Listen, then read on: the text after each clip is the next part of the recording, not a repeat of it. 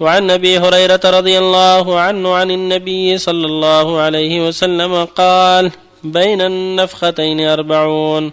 قالوا يا أبا هريرة أربعون يوما. قال أبيت. قالوا واربعون سنة. قال أبيت. قالوا واربعون شهرا. قال أبيت. ويبلى كل شيء من الإنسان إلا عجب الذنب. فيه يركب الخلق. ثم ينزل الله من السماء ماء فينبتون كما ينبت البقل. متفق عليه. وعنه رضي الله عنه قال بينما النبي صلى الله عليه وسلم في مجلس يحدث القوم جاءه أعرابي فقال متى الساعة؟ فمضى رسول الله صلى الله عليه وسلم يحدث. فقال بعض القوم سمع ما قال. فكره ما قال. وقال بعضهم بل لم يسمع. حتى إذا قضى حديثه قال أين السائل عن الساعة؟ قال ها أنا يا رسول الله. قال إذا ضيعت الأمانة فانتظر الساعة. قال كيف إضاعتها قال إذا وسد الأمر إلى غير أهله فانتظر الساعة.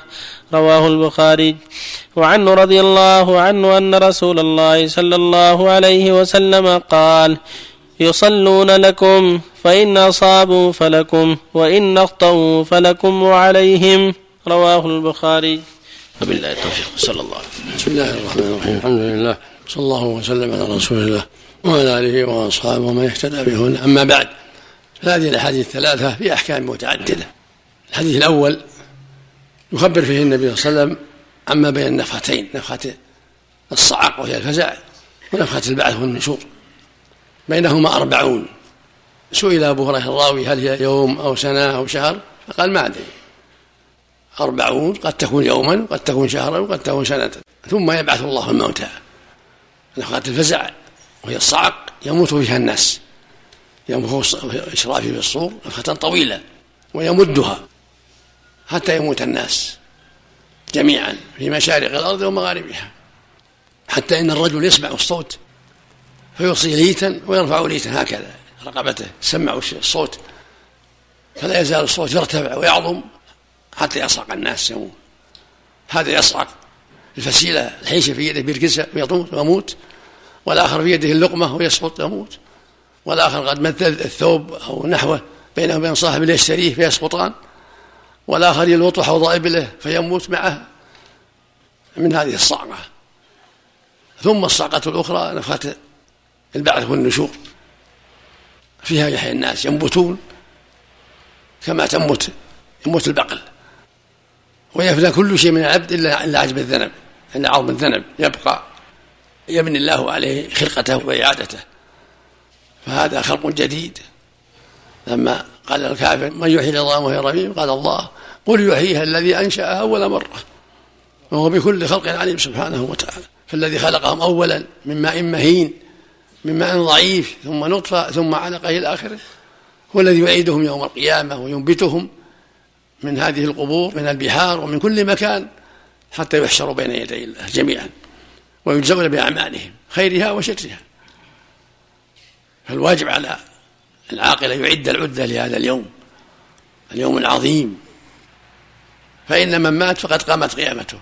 كل من مات قامت قيامته وتم عمله وختم على عمله إلا ما يأتيه من صدقات وإحسان من الناس. إذا مات ابن آدم انقطع عمله إلا من ثلاث صدقة جارية أو علم ينتفع به أو ولد صالح يدعو له.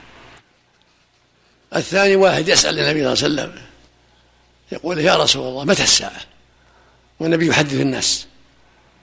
فلما أتم حديثه يعني موعظته صلى الله عليه وسلم قال أين السائل؟ عن الساعة. قال أنا يا رسول الله. قال متى ضيعت الأمانة؟ فانتظر الساعة يعني فقد قربت الساعة. قيل يا رسول الله وما إضاعتها؟ قال إذا وسد الأمر إلى غير أهله. إذا ولي في الأمور غير أهلها. إذا تولاها الخونة وعدم الثقات هذا قرب الساعة. يتولاها الخونة وعدم الموثوقين. ويتولاها من لا يتقنها من لا يؤدي حقها. ولا حول ولا قوة إلا بالله. كذلك يقول صلى الله عليه وسلم يصلون لكم يعني الأمراء. أمراء الناس وأئمتهم هم القادة. فإن أحسنوا فلكم ولهم وإن أساءوا فلكم وعليهم إساءتهم عليهم. صلوا بالناس الجمعة والجماعة وإن كانوا فساقا. صلي معهم الرعية. فإن أحسنوا في عملهم فللجميع وإن أساءوا فالإثم عليهم والرعية يسلمون من ذلك الإثم إذا أدوا الحق الذي عليهم من الأمر بالمعروف والنهي عن المنكر والتواصي بالحق والتناصح. وهذا فيه الحث على السمع والطاعة على ولاة الأمور. وعدم الخروج عليهم بمجرد الفسق ولكن يسمع لهم ويطاع في المعروف ويصلى وراءهم فإن أحسنوا فللجميع وإن أساءوا فالإثم عليهم والرعية لا إثم عليها إذا أدت الواجب وفق الله الجميع. قال نفخات الله يسلمك. الصواب إنها نفخات يعني نفخات الفزع لنفخة الصعق. أما ما في حديث الصور إنها ثلاث وحديث الصور ضعيف. حديث الصور اللي فيه نفخات الثلاث ضعيف. والصواب اللي دل عليه القرآن نفختان. الآية في القرآن نفختين. نفختان في الزمر وغيرها نعم وهي صريحة في الزمر. الأولى نفخة الصعق وهي نفخة الفزع اللي في سورة النمل. والثانية نفخة البعث والنشور. اللهم نسأل الله حسن الختام. نسأل الله السلامة ولا حول ولا قوة. اللهم سلم سلم. اللهم سلم سلم. سبحان الله سبحان الله. طائفتان من المسلمين استعانت إحداهما بالشيوعيين وأهل البدع هل يتعين على المسلمين إعانة الأخرى؟ أي وإن طائفتان فأصلحوا بينهم. فإن بغت إحداهما فقاتلوا حتى تفيها إلى الله فإن فأت فأصلحوا من وأقسطوا. تعانى المحقة.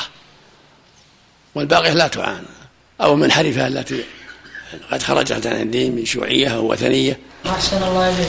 حديث خيركم من طال عمره وحسن عمله. حديث صحيح. لا بأس به. نعم.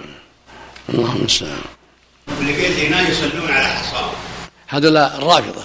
أنا أصلي يقول أصلي معهم ولا لا أصلي معهم صلي مع أهل السنة. جزاك الله. أيوة ذولا يسمون الشيعة ويسمون الرافضة. يصلون على حصاة. هذا ما يأخذونها من النجف. محل قبر الحسين. نسأل الله العافية. أحسن الله إليك. من أدرك الركعة؟ أدرك تكبيرة الإحرام؟ لا ما يدرك إلا بحضورها. الصواب لا يدرك فضلها إلا بحضورها. طيب إذا كان يؤدي تحية المسجد يقطعها ويعلم أنه سوف تفوت التكبير. إذا أقيمت الصلاة يقطعها يقطع التحية ويكبر مع الإمام ولو أنه قد صلى ركعة. إلا إذا كان في آخرها قد صلى ركعة الركوع الثاني يكمل ما بقي إلا يسير يكون مدركا إن شاء الله. مال الربوي الصواب فيه الزكاة؟ الربا لا يصدق كله ما هو الزكاة؟ لا يزكي كله يروح للفقراء ومشاريع الخير ولا يأخذ من الشيء. يصدق بالأصل اللي هو ماله. يزكيه اللي اللي من الربا كله يخرج في وجوه الخير لا يزكي. كله يروح في وجوه الخير. يزكي الأصل بس. اللي هو السليم.